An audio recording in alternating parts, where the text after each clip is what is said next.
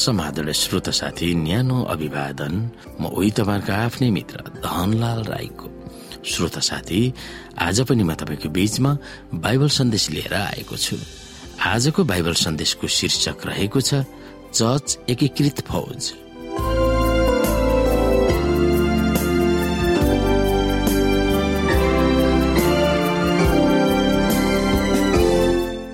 श्रोता चर्च कस्तो खालको युद्धमा लागिरहेको छ भनेर पावलले एफिसी छ अध्यायको दसदेखि बिसमा वर्णन गर्दछन्।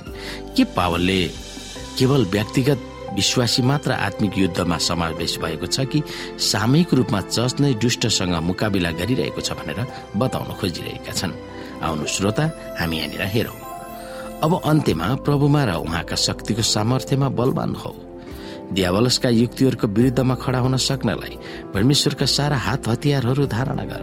किनकि हामीहरूको युद्ध शरीर र रगतको विरुद्धमा होइन तर प्रधानताहरूका विरुद्ध शक्तिहरूका विरुद्ध वर्तमान अन्धकारका सांसारिक शासकहरूका विरुद्धमा र स्वर्गीय स्थानमा भएका दुष्टैका आत्मिक सेनाहरूका विरुद्धमा हो। यसै कारण परमेश्वरका सारा हात हतियार उठाओ र यसरी खराब दिनको सामना गर्न सक र सबै काम गरेर खडा हुन सक्ने हो।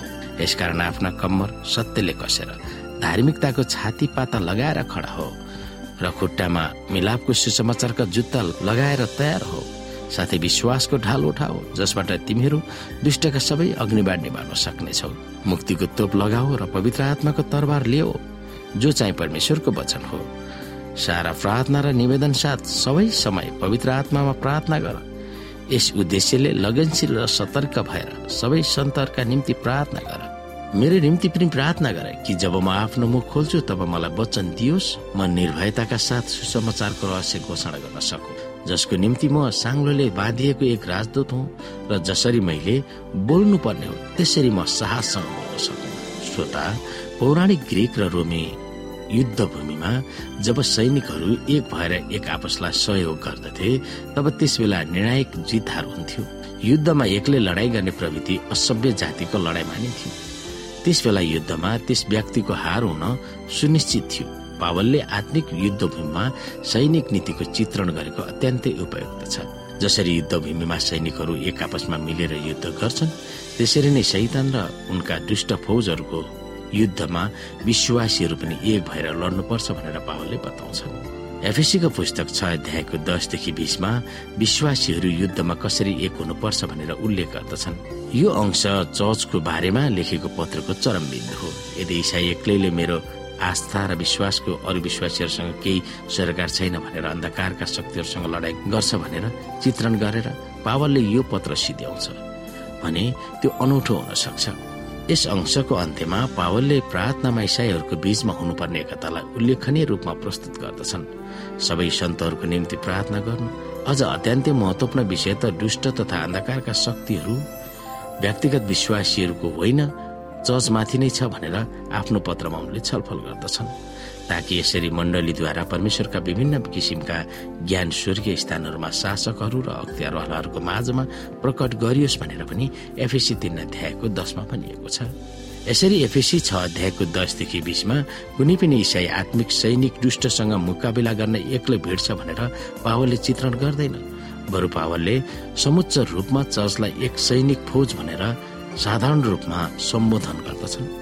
हामीलाई सुसज्जित गरिएको सम्पूर्ण हतियार भिरेर चर्चसँग एकै फौजमा सामेल भएर जोसिलो र एक भएर युद्ध भूमिमा अघि बढौँ भनेर पावलले हामीलाई आह्वान गर्दछन्।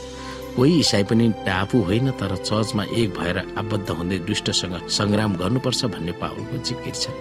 उनको निम्ति चर्च ख्रिसको शरीर हो परमेश्वरको मन्दिर वा भवन हो र ख्रिसको तुलै हो अथवा चर्चलाई चित्रण गरेको उनको अन्तिम चित्रणमा यो जीवित परमेश्वरको फौज हो भनिएको छ।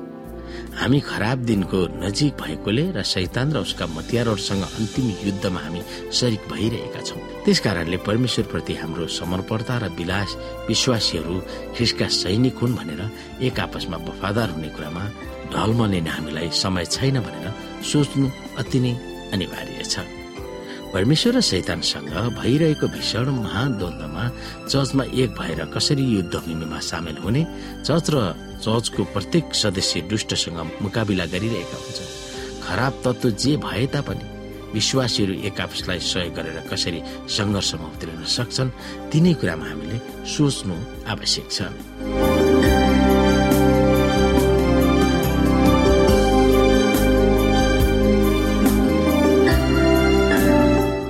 श्रोत साथी आजको लागि बाइबल सन्देश यति नै। हस्त नमस्ते जय मसिंह।